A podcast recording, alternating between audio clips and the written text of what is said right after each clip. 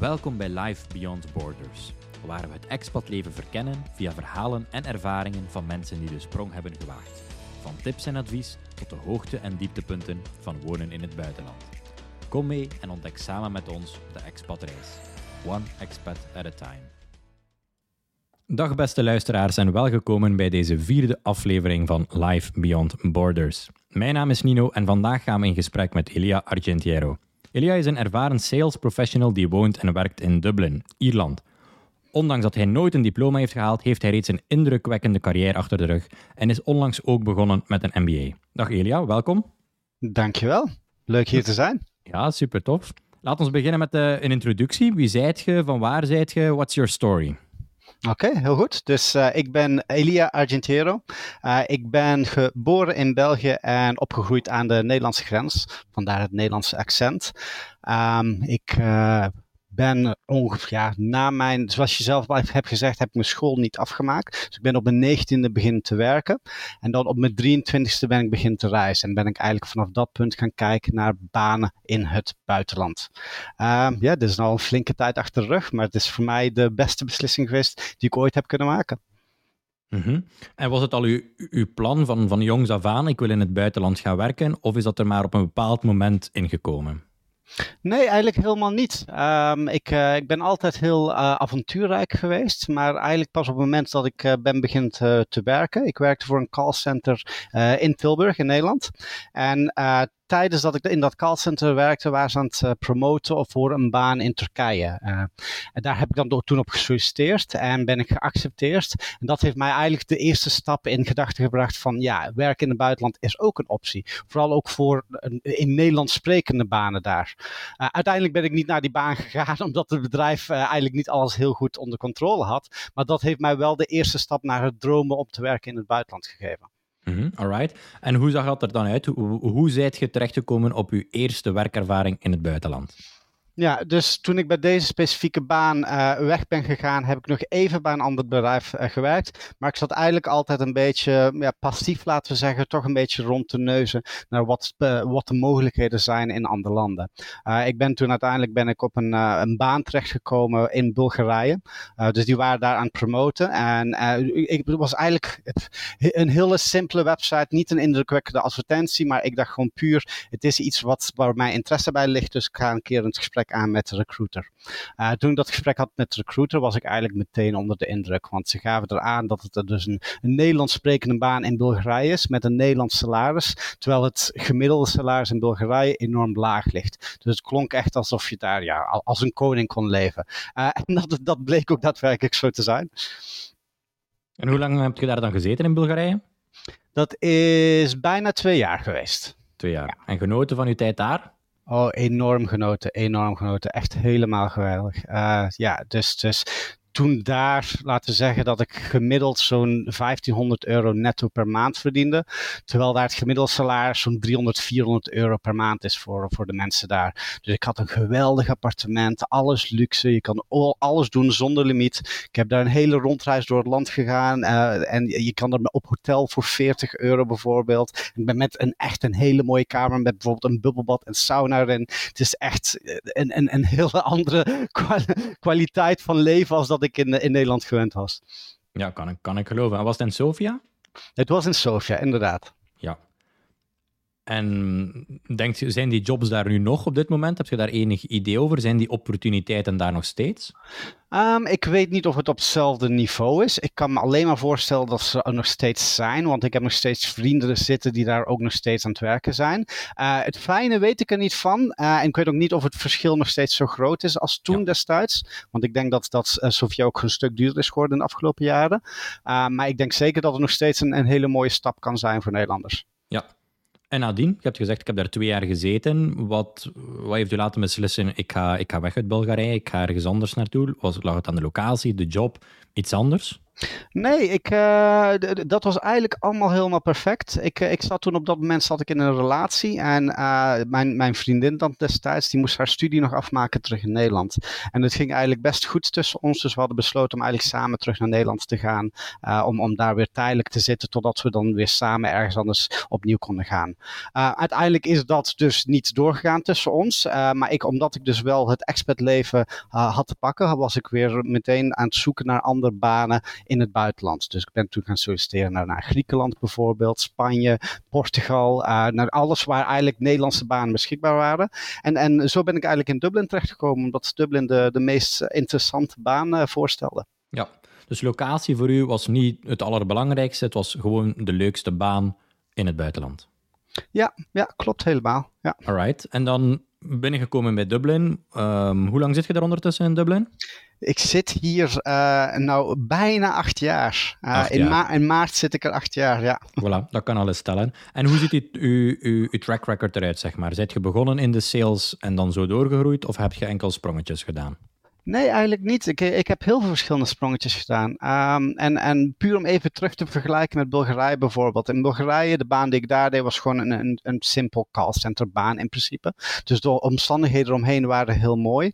Maar toen ik de, de, de, de baan begon in Dublin, dat was uh, digital marketing voor Google via een derde partij. Um, daar begon ik echt een, een verschillend kaliber van bedrijven te, te, te merken. Uh, het is ook pas op dat punt dat ik zelf heb, heb zien wat wat, waar het potentieel van mijn carrière ligt. Ja. Uh, dus de, de eerste baan was, was meer eigenlijk digitale marketing. Uh, toen, ik ben toen ook gepromoveerd tot manager daar. Uh, dus da daar heb ik in totaal heb ik daar 3,5 jaar gezeten in dat, dat specifiek project. Daarna heb ik, uh, wou ik eigenlijk verder in de management. Dan had ik een offer gekregen bij een, een vast bedrijf, een direct bedrijf, wat normaal veel betere voorwaarden heeft. Uh, en, en daar ben ik een soort projectleider ge geweest. Dus dan heb ik een nieuw project opgezet voor dat bedrijf. Maar dat was jammer genoeg helemaal niet wat, wat ik verwachtte. Dus daar had ik het zo erg niet naar mijn zin, dat ik eigenlijk dus verder ben gaan kijken naar, naar wat voor andere mogelijkheden er waren rondom. Um, op dat punt was ik dus ook aan het solliciteren, dus buiten Ierland. Uh, ik was aan het solliciteren voor, voor een baan in, in Portugal bijvoorbeeld, uh, met het doel daar om, om een sales manager te worden. En uiteindelijk was het antwoord wat ik toen had gekregen, is dat ik niet voldoende saleservaring had. En op dat punt dacht ik eigenlijk van ja, nou, dan, dan zullen we wat saleservaring opdoen. Mm En zo ben ik eigenlijk de sales ingestapt. Ja, en uw, uw huidige functie is dan account manager? Ja, Accounts Director is uh, de titel. Uh, dat is ja, een, een fancy titel voor account manager zou ik zeggen. Uh, ja, en, en uh, ja, het bevalt enorm goed eerlijk gezegd. Heel goed. En vooral omdat je hier dus echt de techbubbel hebt van, van Europa. Heb je hier al die grote bedrijven met hele mooie salarissen. Ehm, dus het, is, het heeft mijn leven helemaal omgegooid daarin. -hmm. En hoe zou je uw day-to-day -day beschrijven als uw functie als account director? Nou, uh, dus ik, ik heb een, als account manager, account director, heb ik mijn eigen book of business. Dus ik, uh, ik ben verantwoordelijk voor mijn portfolio, dus een lijst van bestaande klanten voor het bedrijf.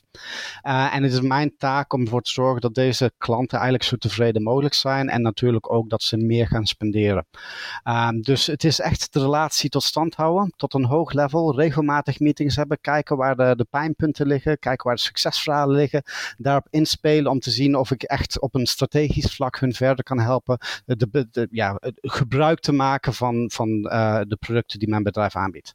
-hmm. Ja, super interessant. Uh, en zijt je dan blij dat je uiteindelijk die keuze hebt ge gemaakt om in de sales te gaan?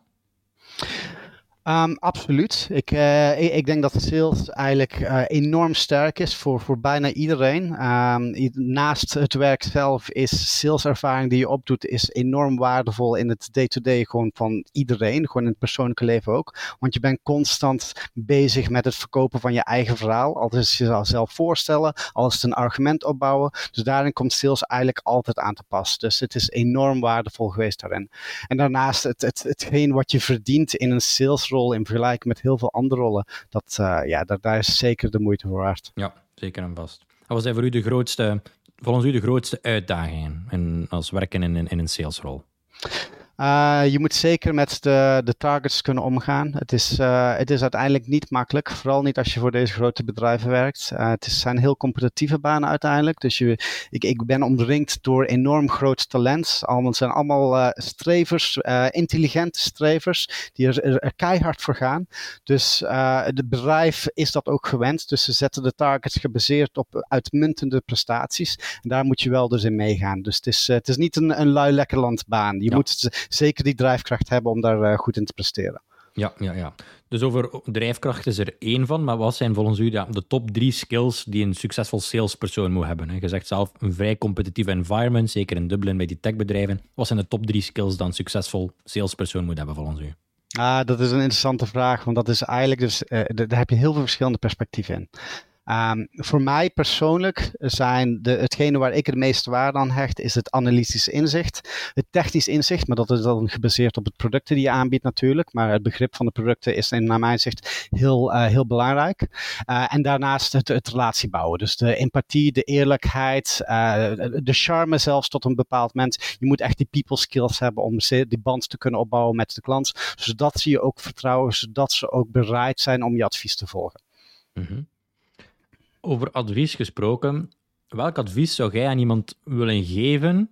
Een, een, iemand in een soortgelijke situatie zoals jij, x aantal jaar geleden, een, zijn een student of iemand die naar het buitenland wil gaan en zijn carrière in sales wil beginnen. Wel, welk advies heb je voor die persoon? Um, denk niet te groot. Je hoeft niet te groot te beginnen. Uh, het is uh, vooral bij deze grote bedrijven is niet makkelijk om daar zonder ervaring binnen te komen, zonder, uh, zonder bijvoorbeeld academische achtergrond.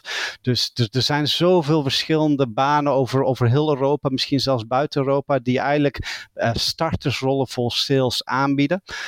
en daar kan je de ervaring opbouwen. En op het moment dat je die ervaring opbouwt, dan, dan kan je zelf steeds beter verkopen en dus je zo erg daarin in, in, boven Ja, nee, super, super advies. En als we even gaan, gaan, gaan terugblikken dan um, over uw volledige ervaring nu, maar voornamelijk in het begin. Denkt je dat je benadeeld zijt geweest of ooit in een situatie zijt gekomen dat het in uw nadeel was dat je geen diploma had in vergelijking met collega's of andere kandidaten? Absoluut, zeker weten. Um, en dat is eigenlijk iets waar ik in, in het grotendeel van mijn leven eigenlijk heb uh, tegen aangelopen.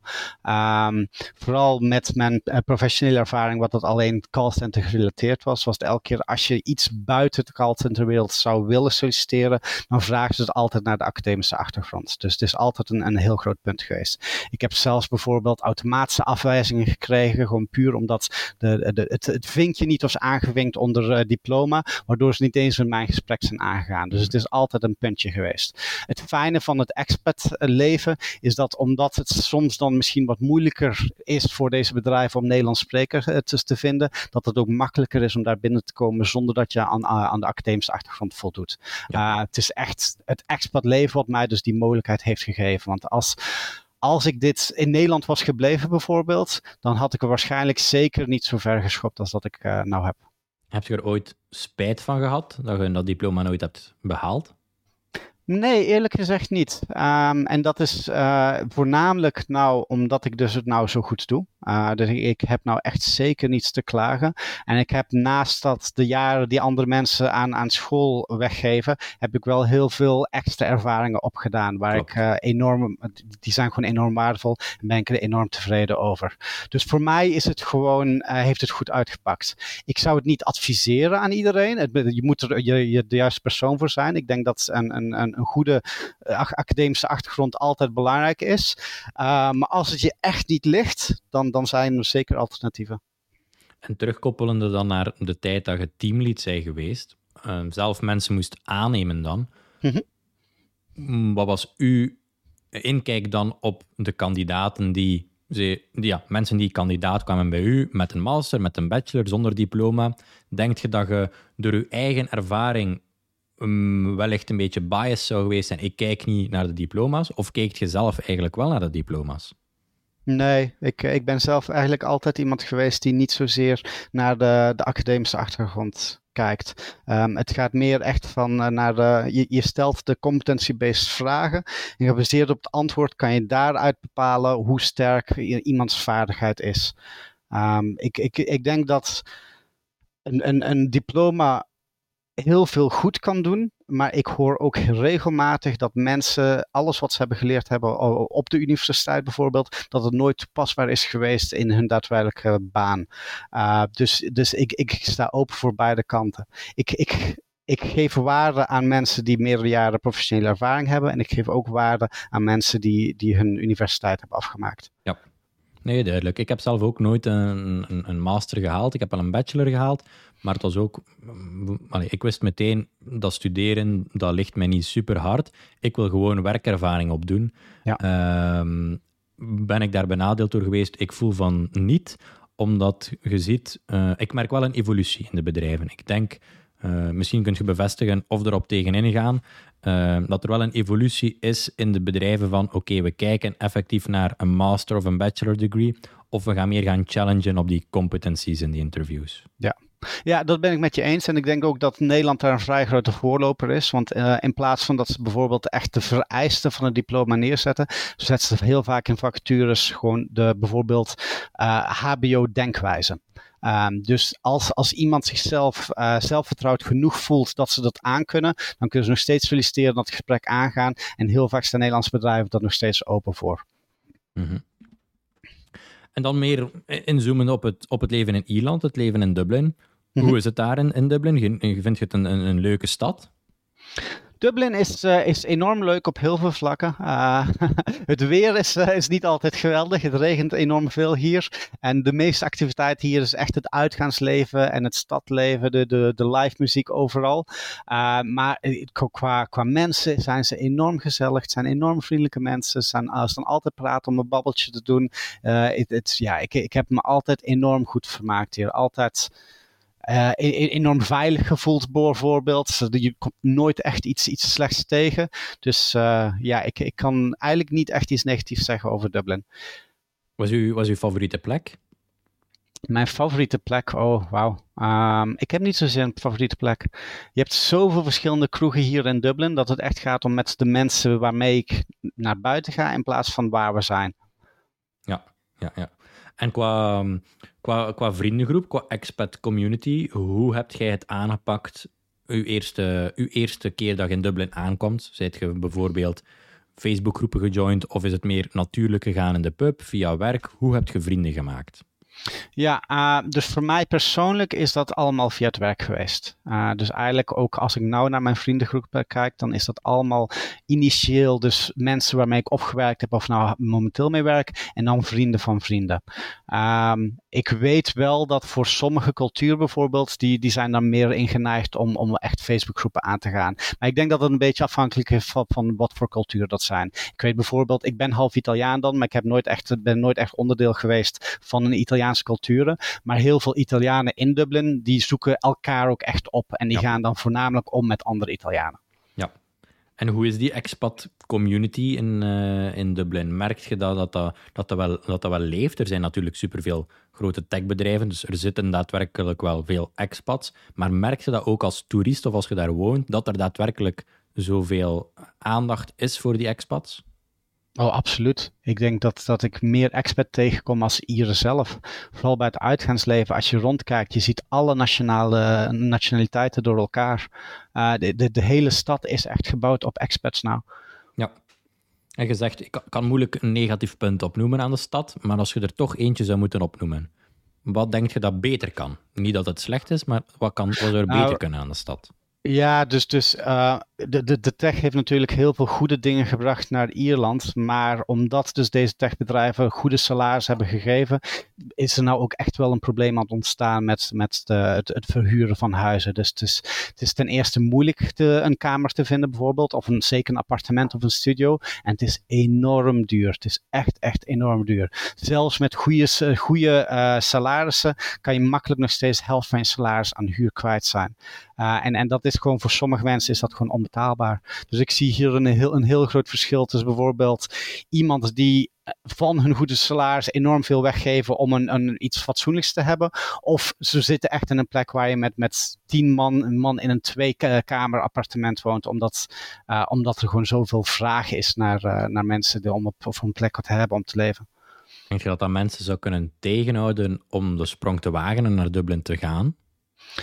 Ik denk dat dat uh, vooral op dit moment is dat iets waar je zeker rekening mee moet houden. Ja, um, ik, ik, denk dat er heel veel positieve dingen zijn aan Dublin, maar vooral op dit moment is het gewoon, de, de huur is gewoon gekke werk echt gekke werk. Uh, dus ik zou, als iemand aan het overwegen is om naar Dublin te gaan, zou ik adviseren om eigenlijk al van tevoren proberen te zoeken naar een plek of al een regeling te maken. Desnoods een tijdelijke regeling dat je hier voor drie maanden iets zeker hebt. Uh, dat je daar in ieder geval van, uh, de, tijd voor kan nemen om, om een vaste plek te vinden. want zo niet kan het zijn dat je bijvoorbeeld hier een paar maanden op een Airbnb of hotel zit en dan gaat het veel meer kosten. Ja. Ja, inderdaad. Welk advies zou je hebben voor de mensen die, die graag naar Dublin zouden willen gaan en in die tech-industrie of in, in de sales willen beginnen? Welke tips kun je met die mensen delen? Um, tips? Ja, ben, ben niet te, te, kieskeurig. Er zijn heel veel verschillende aanboden. Uh, ben ook niet te snel, ga ik erbij zeggen. Dus uh, neem contact op met recruiters. Er zijn altijd actieve recruiters in Dublin die op zoek zijn naar, uh, naar bepaalde language skills. En ook vooral in verschillende industrieën of bijvoorbeeld voor saleservaring. Neem contact op met allemaal. Ga meerdere interviews aan.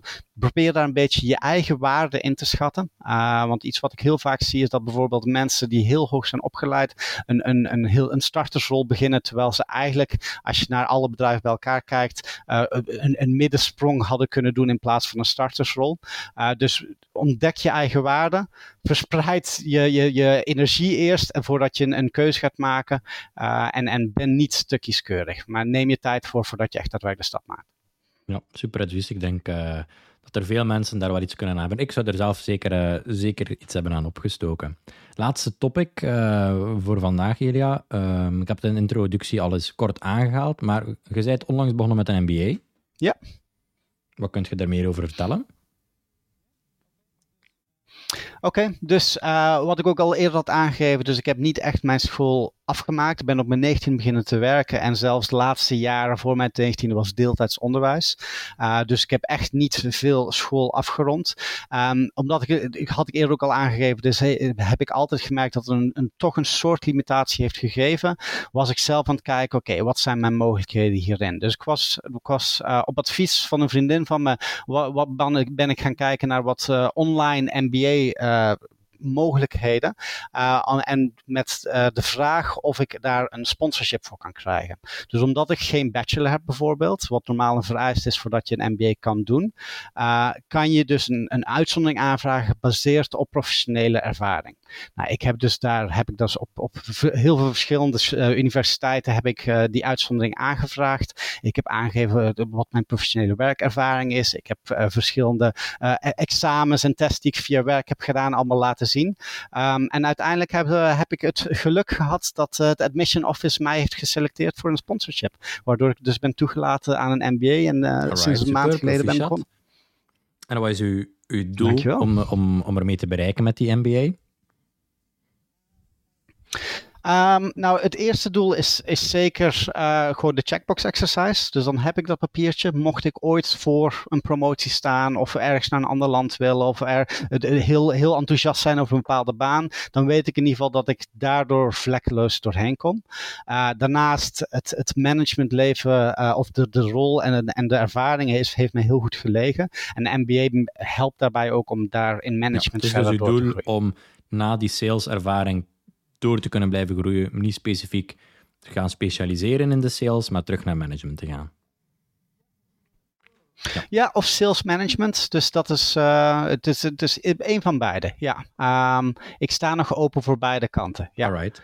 Super. Nee, ik wens je alvast heel veel succes nog met de toekomst van je carrière en ook met het, uh, met het studeren voor, voor de MBA. Nog één vraag om, om, om de aflevering van vandaag af te sluiten. Wat is voor u het grootste voordeel aan het expatleven? Um, ik zou zeggen de, de mensen. Um, ik, ik, uh, als expat zijnde, als, als uh, internationale in een ander land, uh, vooral als je verschillende landen hebt, kom je ontzettend veel like-minded mensen tegen. Um, wat ik heb gemerkt toen ik nog terug in, in Nederland zat of in België zat, in, in de daadwerkelijke nabije omgeving, hebben mensen altijd een beetje het, hetzelfde idee van wat ze willen met de toekomst. Um, dus, dus bijvoorbeeld, ik heb heel veel vrienden nog zitten dicht bij Tilburg en die hebben daar een huisje gekocht, wonen dicht bij de ouders, hebben misschien een extra kind om de zoveel jaar, een extra een, een ander een beestje. Maar het, het leven, naar mijn perspectief, staat een beetje stil daarin bij. Pas op het moment toen ik dus het expertleven in ben gegaan en ontzettend veel interessante mensen heb leren kennen, um, ben ik er echt achter gekomen van, van wat voor verschillende mogelijkheden en verhalen er allemaal mogelijk zijn. Dus het, het, het, het verbreedt echt uh, de geest, ja, laten volledig, Volledig mee akkoord. Dat is ook een van de, ja, een van de, de dingen die ik vind. Dat het leven staat een beetje stil in België. Um, en de vrijheid die het met zich, met zich meebrengt van uw eigen, uw eigen gang te gaan, uw eigen carrière op te bouwen en uw eigen leven uh, op te bouwen. Alright, super bedankt voor, uh, voor uw aanwezigheid hier vandaag, uh, Elia. Ik hoop dat je, het, uh, dat je er een beetje van hebt genoten, toch? Heel graag gedaan. Bedankt voor de uitnodiging. We hebben ondertussen het einde bereikt van de vierde aflevering van Life Beyond Borders. We zijn in gesprek gegaan met Elia, die zijn carrière is begonnen in Bulgarije. Ondertussen werkt hij al meer dan zeven jaar in Ierland, Dublin. Hij heeft er al verschillende functies gedaan, van digital marketing, sales, managementposities en heeft eigenlijk nooit een diploma gehaald. Maar ondanks dat heeft Elia zich opgewerkt binnen de hiërarchie daar in Dublin en geniet hij daar van de bruisende stad, het bruisende Dublin. Ondertussen is Elia ook bezig met een MBA, dus hij toont wel aan capabilities, inzet, interesses, kan en is misschien belangrijker dan een diploma. Maar niet te vergeten, een goede academische achtergrond kan natuurlijk ook helpen met jouw carrière van start te laten gaan in het buitenland. Voel je het zelf wat kriebelen om in het buitenland te gaan werken? Laat dan zeker een berichtje achter via LinkedIn. Ondertussen heb ik al een vrij groot netwerk uitgebouwd van Belgen en Nederlanders in het buitenland, in Europa, buiten Europa en help ik jou graag verder met jouw vragen te beantwoorden. Mocht jij zelf Belgen of Nederlanders in het buitenland kennen, hoor dat natuurlijk ook graag, want dan kan ik ze ook uitnodigen voor een nieuwe aflevering van Live Beyond Borders. Volgende week in de vijfde aflevering van Live Beyond Borders zoomen we in hoe het is om je carrière te beginnen in de finance-industrie. We gaan in gesprek met Klaas. Hij woont en werkt in de Oktoberfeststad München. Dit was het voor deze aflevering van Live Beyond Borders. Bedankt voor het luisteren. We hopen dat u heeft genoten van deze verhalen en ervaringen. Tot volgende week bij een nieuwe aflevering waar we samen de wereld verkennen.